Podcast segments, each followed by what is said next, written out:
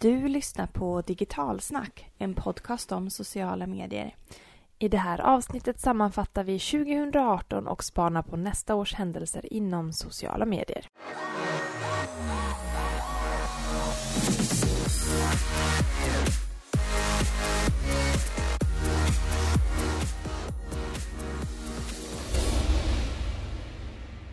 Hej och välkomna till Digitalsnack. Podden som ger er de klokaste insikterna och de långsiktigaste pa- spaningarna. Mm. Och i dagens avsnitt har vi blickat tillbaka på året och givetvis eh, sammanfattat stora lanseringar och olika funktioner som har kommit på sociala medier som du kanske har missat. Mm, och vi kommer även blicka in i 2019.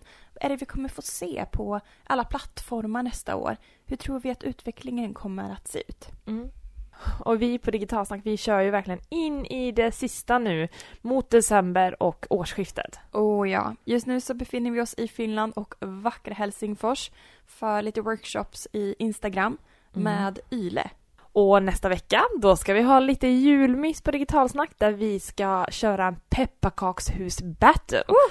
Så följ våran story om ni vill se vem av oss tre, Amanda, Jenny och Cecilia, kommer göra snyggast pepparkakshus. Jag tippar på mig själv givetvis. Jag är lite rädd att mitt kommer vara i spillror bara efter att mitt tålamod har tagit slut.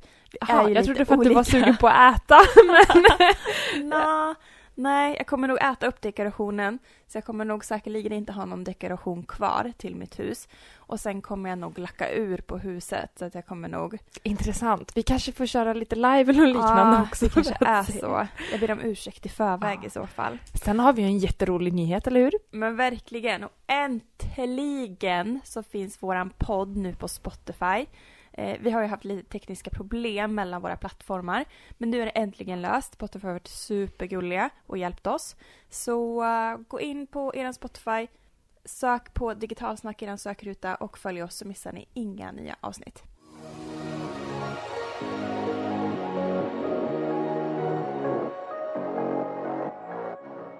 Under det här året, vi pratar om 2018, har det legat som en liten blöt grå filt över sociala medier. Det har varit ganska många så bakslag när det kommer till integritet och dataintrång, eh, personuppgifter och falska artiklar och vi har botar och det ena med det andra. Mm, jag tycker att man sa det ganska bra på Social Media Week när vi var i London. Att sociala medier är ett symptom av världen. Men den kan också vara en del av lösningen. Och jag kände lite hopp när jag hörde det för att det är så lätt att så här, tracka ner på att sociala medier är det som har gjort att världen ser ut som den gör. Men det är, alltså, sociala medier är ju ett symptom av vad som händer runt om i världen. Och vi får liksom inte glömma det. Och att vi faktiskt kan använda sociala medier på ett sätt att ja, men göra världen lite, lite bättre, gladare och ljusare. Ja, jag gillade verkligen den biten att vi, vi ska försöka fokusera istället för att lägga tiden på att klanka ner och tänka på allt som är dåligt så fokusera på hur kan man göra det bättre eller hur kan man använda plattformarna med de begränsningar som finns till eh, maximal nytta. Mm, precis. Och vi har ju pratat en del om generation Z som gillar sociala medier when it's all positive. Och jag liksom gillar den andan. Att saker är inte superljusa alltid. Men man kan fokusera på det som är bra istället. För att på något vis liksom motivera och Ja, inspirera tillsammans till kan vi väl göra världen ljusare på sociala medier, eller hur? Definitivt. Mm. Men så har vi den här stora jätten som kanske har varit den det stormat mest kring. Jag pratar givetvis om Facebook. Mm. Den Och- har ju haft en liten uppförsbacke i år kan Ja. man lugnt säga. Och vad är det vi kommer ihåg framför allt? Det är väl Cambridge Analytica Mm. i början av året där. Precis. Och den hände ju i mars under i, i år. Eh, och Svensken och internet släpptes ju i februari. Så att mycket efter att Svensken och internet, den stora internetstiftelsens stora heliga graal, rapport om eh, våra internetvanor. Eh, kanske att den kommer se annorlunda ut nästa år. Det hände så otroligt mycket efter just mars och fram till nu. Och um, där var det ju rätt intressant. Det var ju, vi alla har väl kanske koll på just vad Cambridge Analytica gjorde. Men de hade ju använt plattformen för att samla in information som de sen eh, sålde vidare.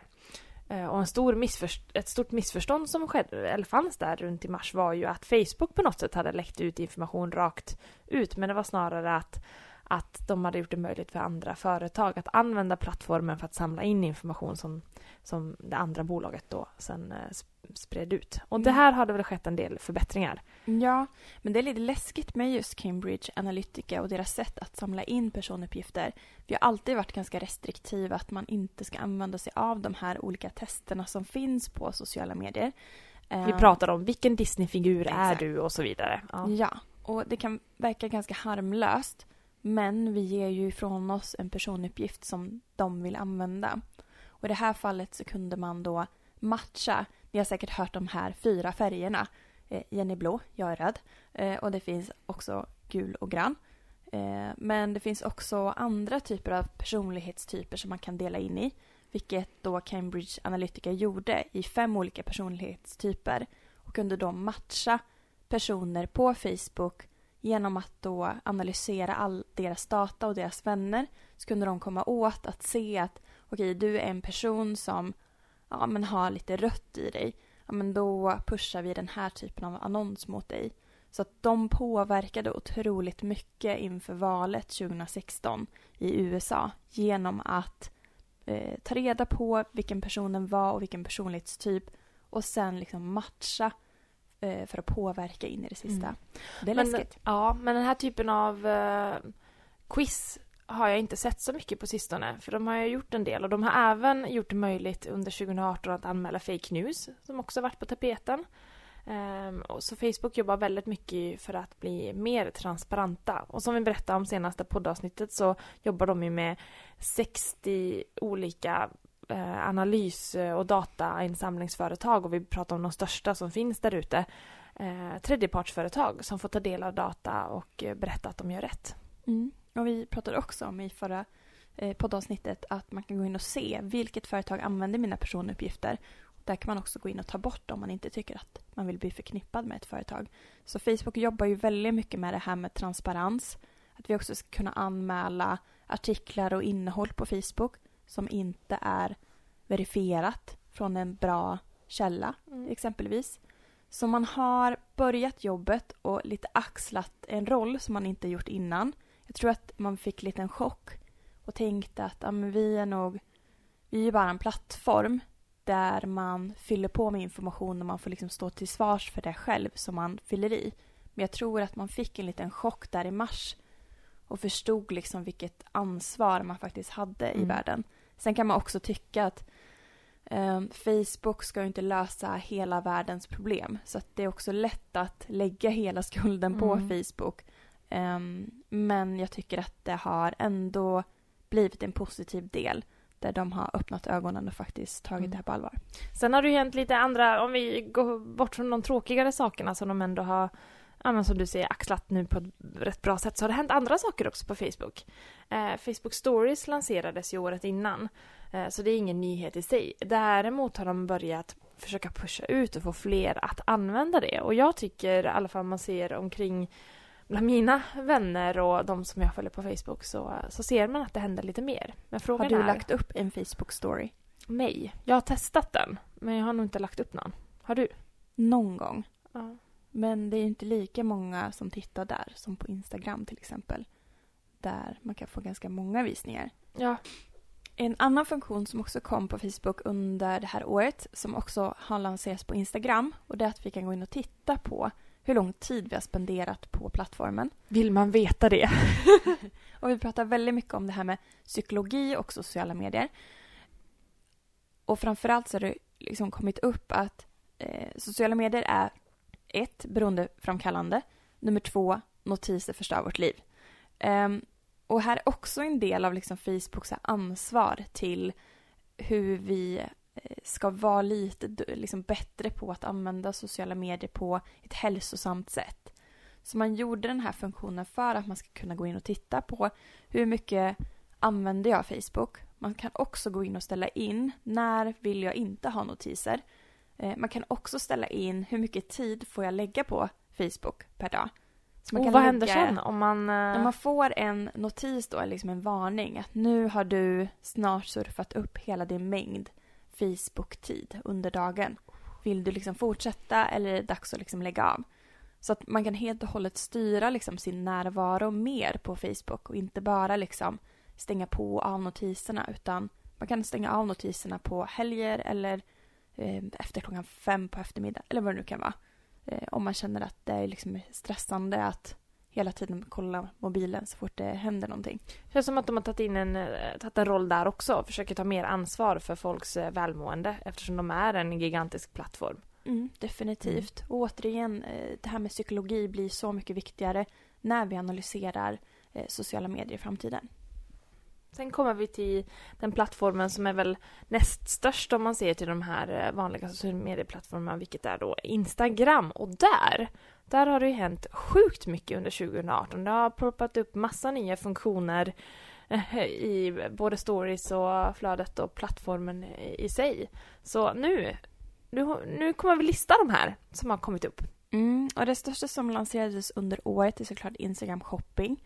Det har ju tagit en ganska bra tid från att eh, nu lanserar vi det i hela Europa till att hela Europa faktiskt fick Instagram stories. Mm. Eh, det var väldigt uppdelat att det var eh, stora verifierade profiler som fick det först och sen så har det tagit ganska lång tid nu till hösten. Men nu tror jag faktiskt att alla som har skapat en butik då i Facebook och kopplat den till sin Instagram shopping ska faktiskt ha den funktionen. Så har ni testat det förut men inte fått igenom det så gå in och gör det igen nu för nu verkar det som sagt som att de har släppt på det och att allt fler kan få det igenom. Så in och sätt igång Instagram shopping. Mm, och något annat som också lanserades var ju IGTV. Ja. Är det någonting som du frekvent tittar på? Nej, jag har varit inne och tittat eh, ett antal gånger. De har ju lanserat den både som en app och så finns den ju som en del i själva plattformen. Och där är det väl egentligen inte en jättestor skillnad, bara att du har lite fler funktioner i, i själva appen om du laddar ner den. Men de försöker ju få eh, oss användare att dela längre innehåll. Eh, och det här ser vi väl på många av kanalerna att just video ska gå att göra både i korta format men man ska även kunna göra lite längre. Så det blir som en tv-kanal för Instagram. Jag har ju frågat väldigt många om man tittar på IGTV. Eh, de jag får svar av säger att det är svårt att hitta, alltså vad, vad det är eller vart är IGTV. Och det andra är så här, det är svårt att hitta relevant innehåll. Mm. Och vi lyssnade ju på Facebook för några veckor sedan och hon som då är ansvarig för Instagram-delen eh, här i Sverige sa ju lite skämtsamt att man kan gå in och titta på IGTV, det är som ett strukturerat kaos. så jag tror att de har ganska mycket att liksom göra på den plattformen för att det ska bli lättare för oss användare att också se ett innehåll som är relevant. Mm. Sen lanserade de ju en ganska stor funktion som faktiskt inte jag har känt varit så jätteanvändbar. Det är ju det här med namntaggar som man lanserade nu i år. Och de når man ju i eh, profilen och inställningsrutan. Eh, har du det... använt dem till något någon gång? Nej, men jag har gått in och typ ändrat bakgrund på den. ja, för att den ska vara fin. Ja, men men visar man den till sen?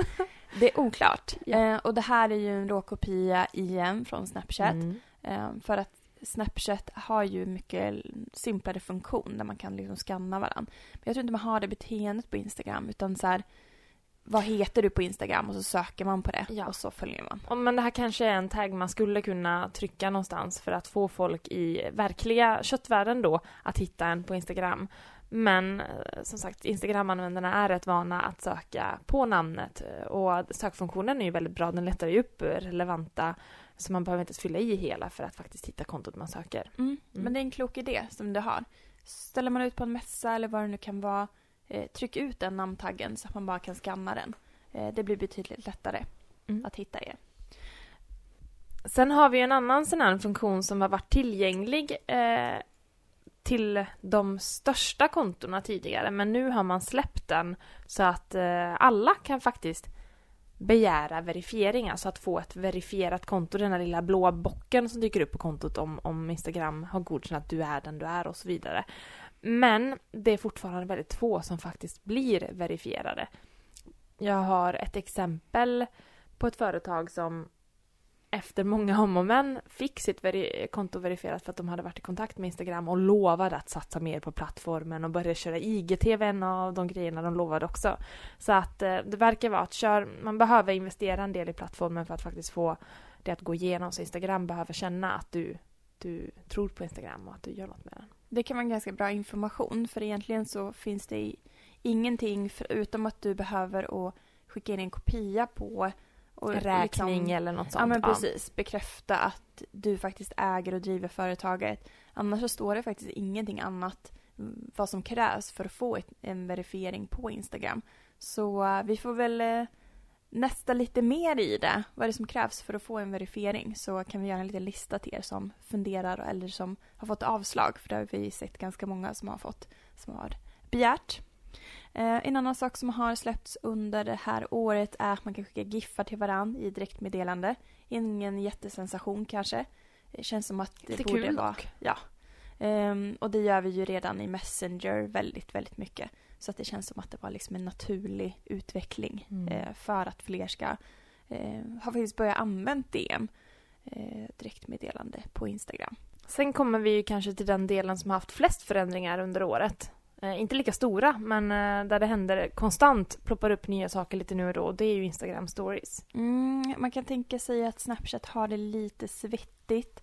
Snapchat har ju satsat på ganska få men slagkraftiga uppdateringar. Medan vi kommer komma till dem. Precis. Mm. Medan Instagram och Instagram stories har varit duktiga på att släppa några små funktioner hela tiden som har gjort att Instagram stories har blivit lite roligare hela tiden. Mm. Och mm, någon sån här är ju, har ni testat att använda frågor i stories när man kan eh, ställa en fråga och få öppna svar? Eh, och man kan även kopiera svaren för att dela vidare dem och det här är något som en del företag använder ganska frekvent vilket är roligt för att få dels mer information och få mer engagemang bland sina följare. Och vi har ju använt den här funktionen Mm. Eh, så att vi har ju en frågeställning i vår Instagram highlights. Så kommer man in på vår profil på Instagram så kommer vi fråga er vad ni vill läsa på bloggen och vad ni vill lyssna på i podden. Och då kan man skriva in sitt svar där till oss så får vi, får vi massa bra tips från er.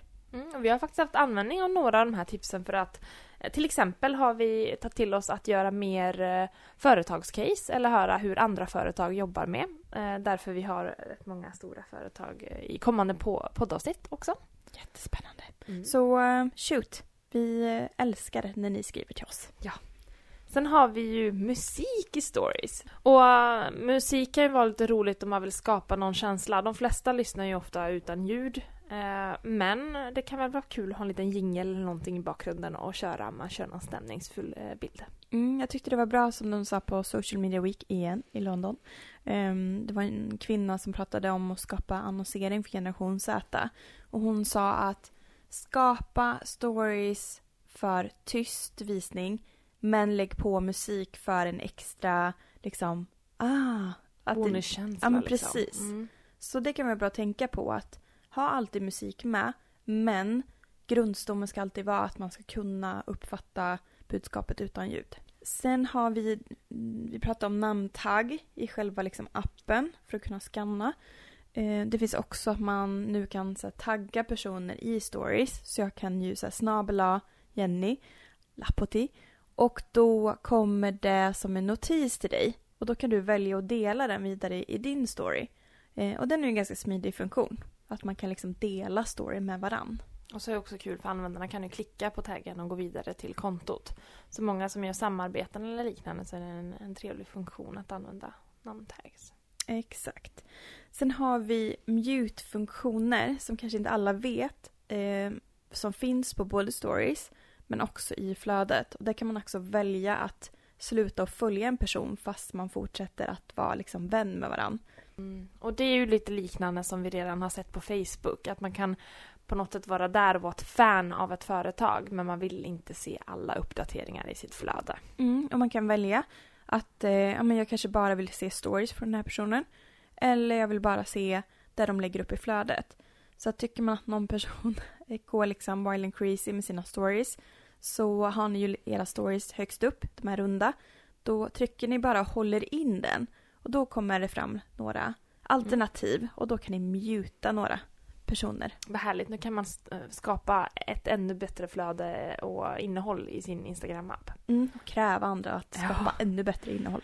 Sen kan man ju faktiskt eh, dela, ser man någonting fint och fränt i- flödet, i det vanliga scrollflödet, som man känner att man skulle vilja dela i sina stories, så kan man ju även göra det. Det, det är ju ett kul sätt kanske att eh, reposta saker som kunder, när de har tagit bilder på någonting du säljer till exempel. Eh, sånt som du inte vill spamma ditt flöde med, men som du ändå vill uppmärksamma och lyfta, så kan man dela, dela det i en story istället. Problemet är ju att de blir fyrkantiga, oftast. Det Mm. Och så det plockar den färger och fyller ut i bakgrunden och det Precis. blir inte riktigt lika fint men... Exakt. Mm. Och sen har vi den här funktionen som vi har pratat om tidigare. Um, ska man skapa en story och är eh, i, har alltså uh, swipat så att man får upp den här valet när man kan göra boomerangs och allt sånt. Och swipar man upp där så får man möjligheten eh, att se mm, bilder man har tagit och där kan man klicka i att man vill posta flera bilder samtidigt. Och det här är en funktion som Instagram lanserade i våras och sa att den i första hand kommer ut i Android men om några veckor så ska den även komma ut till iPhone-användare.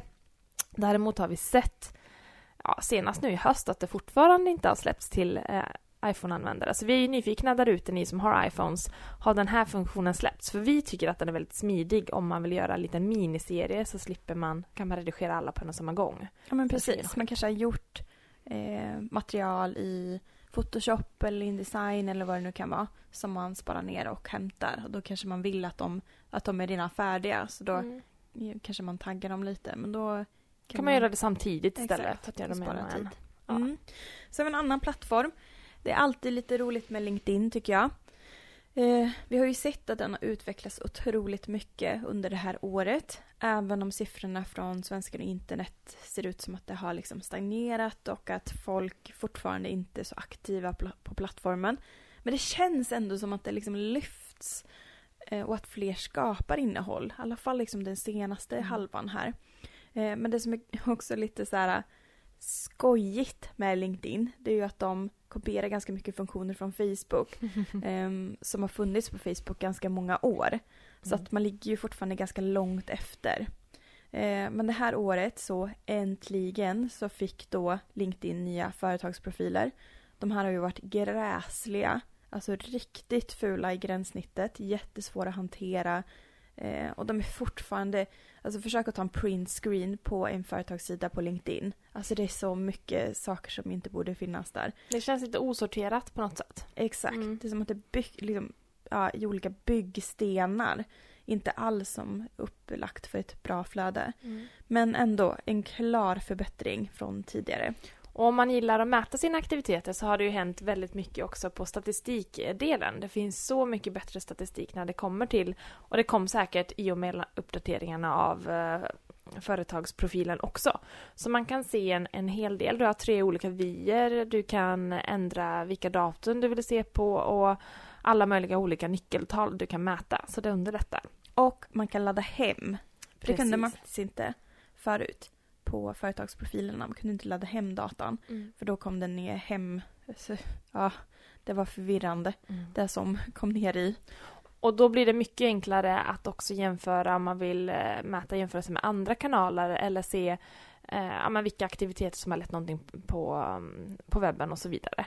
Så bra möjligheter. Sen finns det någonting som faktiskt LinkedIn är bra på som vissa andra plattformar saknar, som Instagram och Facebook. Och det är ju där när vi postar saker i vår personliga profil. Mycket bra. Att Ja. vi också kan se statistik Ja. på den. Tyvärr så försvinner ju det efter två månader, men helt eh, klart en förbättring eh, jämfört med de andra plattformarna. Mm, och den här två månaders begränsningen tror vi har kommit på senaste tiden.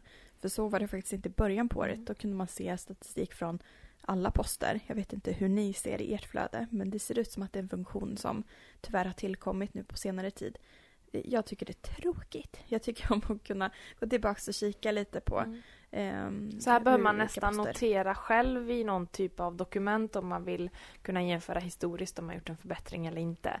Annars kommer man inte kunna jämföra sina poster. Mm. Men jag är lite så att LinkedIn börjar på att skruva åt algoritmen betydligt mer. För jämför jag exakt samma engagemang nu och tre månader tillbaks så ger det inte alls samma räckvidd. Det är nästan halverat. Ehm, så kika även där på era egna profiler. Hur ser det ut? Har ni också fått väldigt ehm, begränsad räckvidd på senaste tiden? Mm. Det, ja, vi får se. Det ska bli intressant att se i nästa Svenskarna och internet uh, också för att se Tänk om det har ploppat till med fler användare. Att det har blivit mer konkurrens i nyhetsflödet också för den delen. Mm.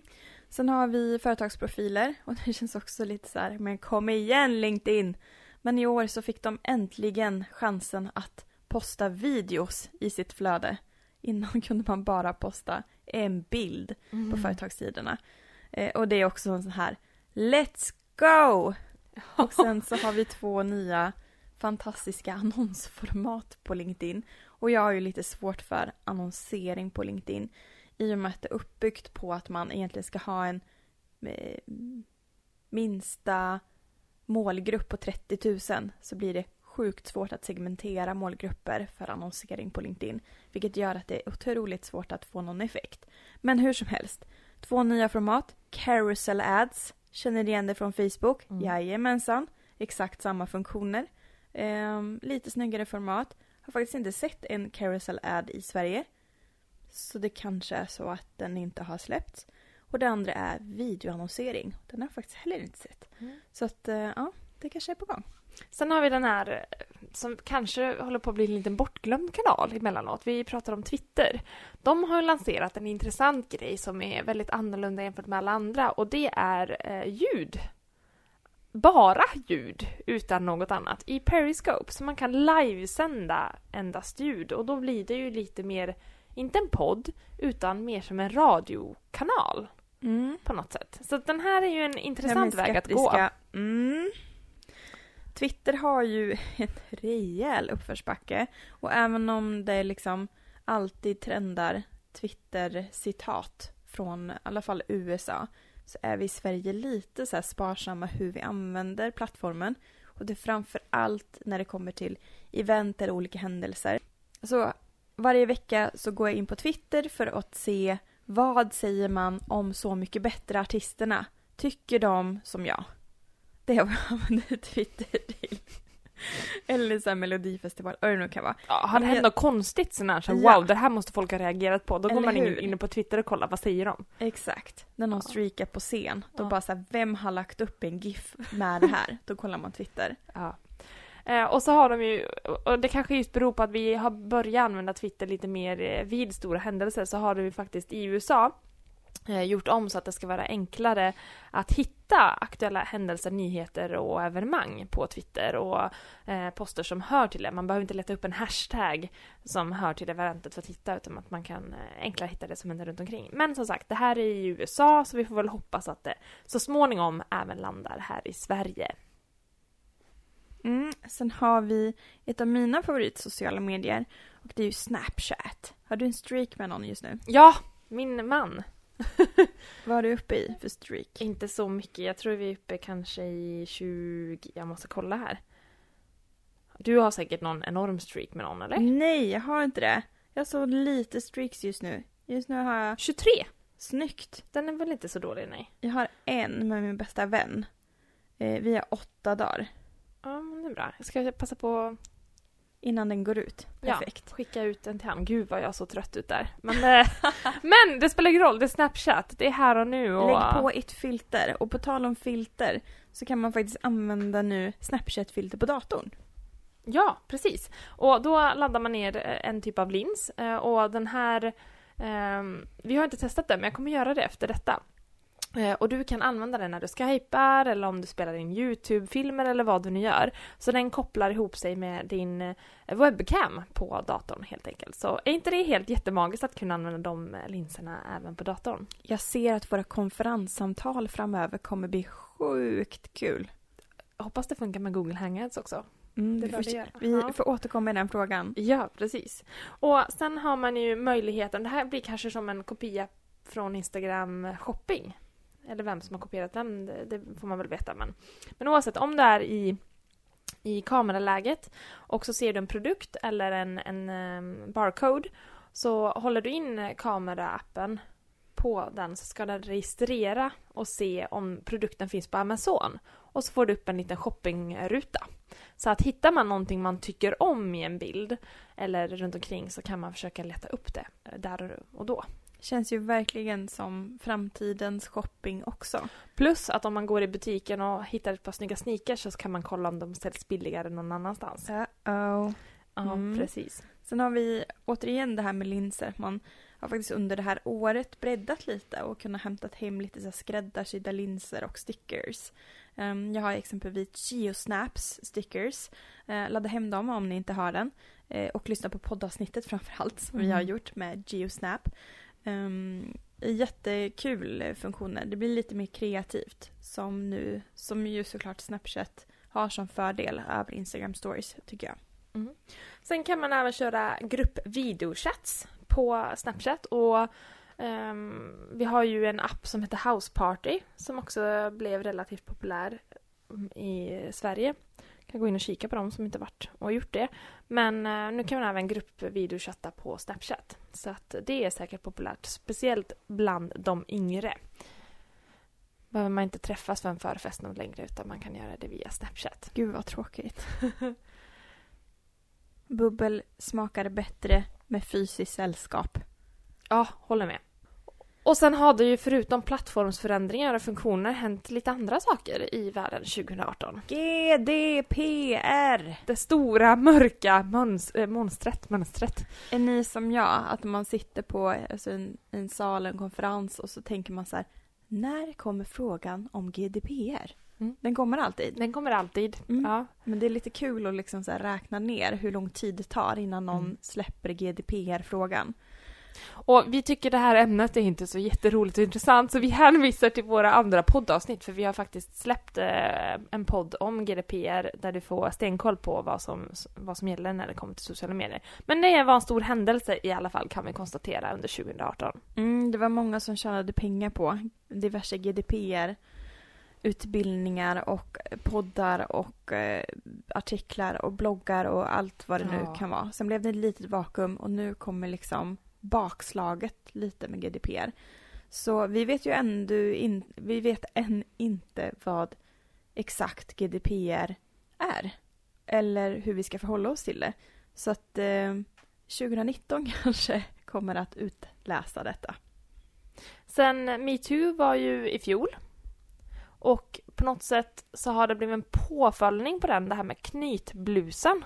Mm. För den har ju snurrat även lite i sociala medier. Jag tycker man ser nu de senaste åren och framförallt i år såklart att vi kopplar många saker som händer liksom online till fysiska världen och liksom tvärtom. Så att ingen kan ju lyssna på Sara Danius fantastiska sommarprat om ni inte gjort det. Eh, det är skitläskigt eh, att världen får, får vara så här. Men det var ju någonting som hände i liksom, köttvärlden, i den fysiska världen, som sen blev en demonstration i sociala medier. Då man hade på sig en knutblus. Ett ganska enkel så symbol. Mm. Som man tog en selfie eller en bild och så la man upp det främst på Instagram. Mm. Sen har vi fotboll.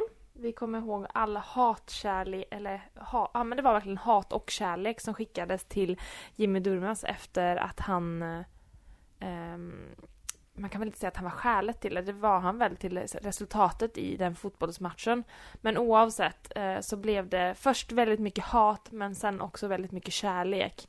Jag gillar att man i år har stått upp för för skit. Vi har liksom vänt på det och skapat kärlek av dåliga saker. Jag tycker vi har varit mycket duktigare i år på att sätta ner foten och ta ställning i sociala medier. Och det pratade vi om i fjolårets eh, framtidsspaning, att det kommer bli mer åt det här hållet. Och det har vi faktiskt sett resultat nu. Mm. Så det, ja, det var mycket värme efter allt hat kring Jimmy Durmas. Mm. Sen har vi det här med fejkbilder och fejkföljare. Det känns som att det har blåst upp och blåst ner och pratats om lite här och där och man har försökt ja. granska sånt lite mer. Och här gjorde ju Breakit ett, en fake-influencer och köpte en massa följare på ett instakonto, en sån här träningsprofil. Eh, som också fick eh, massor av samarbeten knutna till liksom, det här kontot. Sen gick man ut och sa att det var fejk.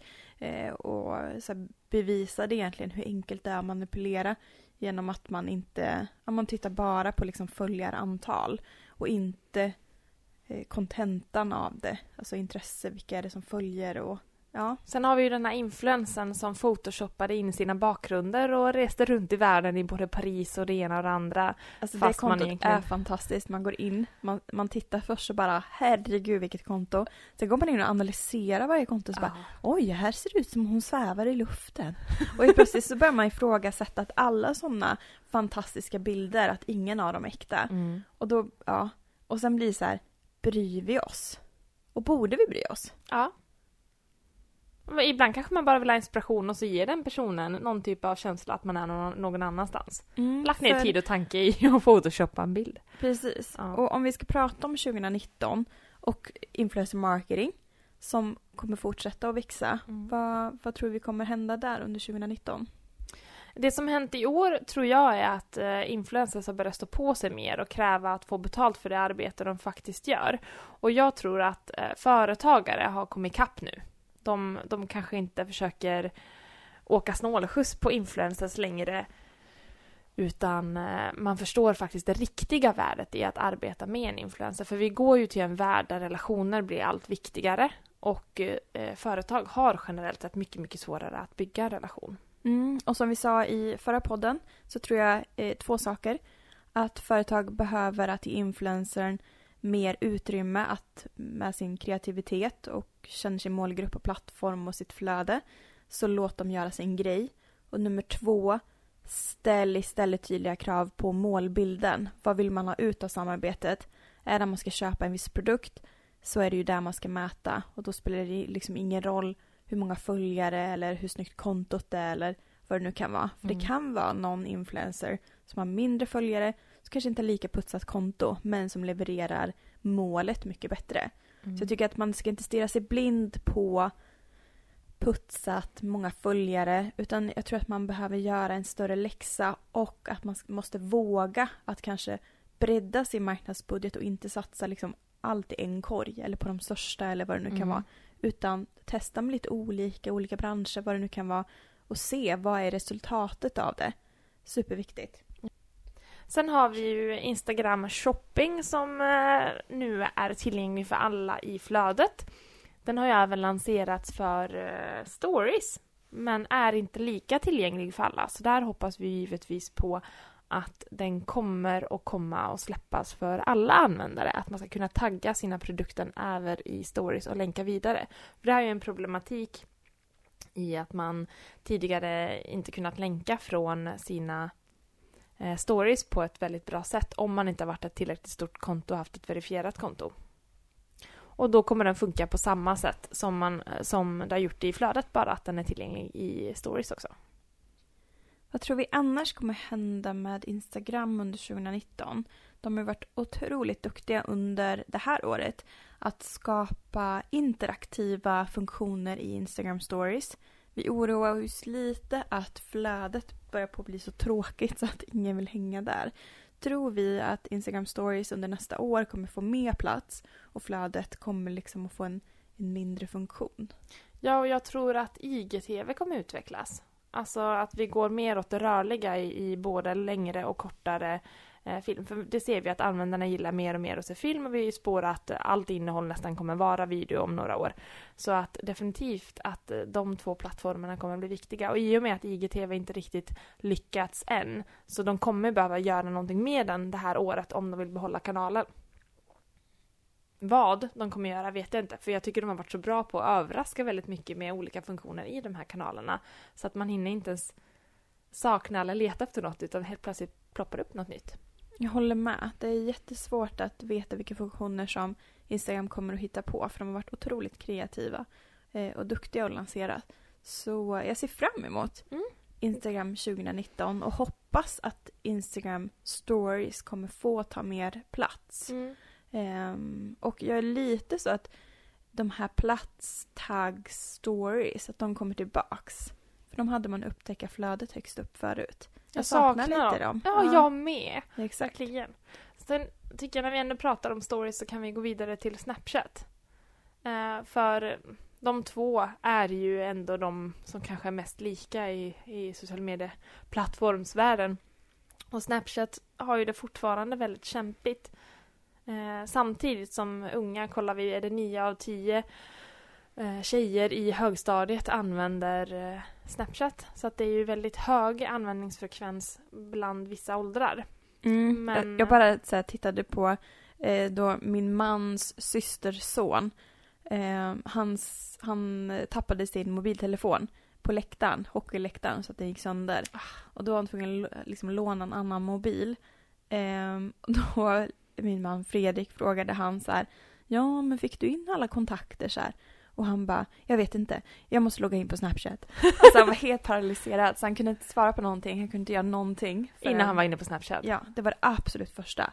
Ehm, han hade liksom ingen koppling till världen, Mm. sina vänner, allting var liksom borta eh, om han inte fick igång sin Snapchat.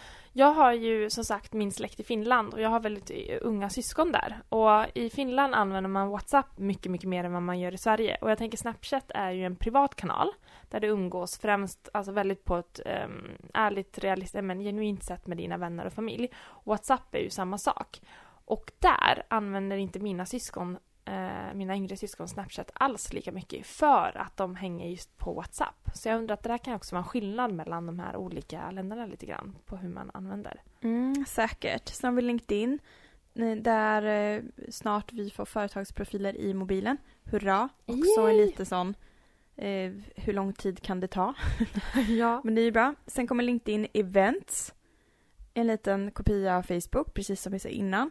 Och sen det tredje som det ryktas om är LinkedIn Stories. Hoppar de på det också? Ja, så vi får se hur Den LinkedIn... är jag skeptisk till. Ja, det är jättemånga som är.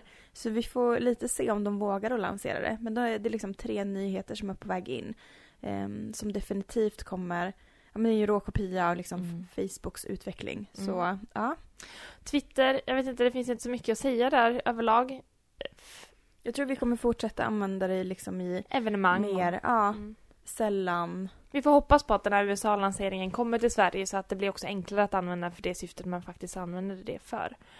Och sist men inte minst, vi har inte pratat jättemycket YouTube, men YouTube är ju den kanalen alla ungdomar eh, kollar på och vi vuxna också emellanåt. Och jag tror att här kommer man komma in i lite så här Netflix-mode. Man eh, letar mycket så betallösningar nu för att man ska skippa reklamen och man försöker liksom bygga ut den delen av plattformen. Man satsar mycket mer på musik eftersom det är den andra viktigaste delen man går till YouTube. Det första är ju att titta på underhållning, det andra är att lyssna på musik. Eh, och sen satsar man väldigt mycket på 360 graders format. Så det är väl det som... Som händer där. Ja. Och eh, har jag företag, jag tror de kommer hitta under 2019 ehm, så kommer det vara fler företag som hittar dit på ett användbart sätt. Och det var allt vi hade för den här gången. Vi har gått igenom 2018, alla, allt som hände då och vad vi tror att kanske kommer hända nu under 2019. Mm, så nu åker vi. Hoppas ni är med oss även nästa år. Eh, god jul och gott nytt år får vi säga. Helt Ja. sjukt men ehm, ja, stor kram från oss. Ha det bra! Tack och hej! Tack och hej!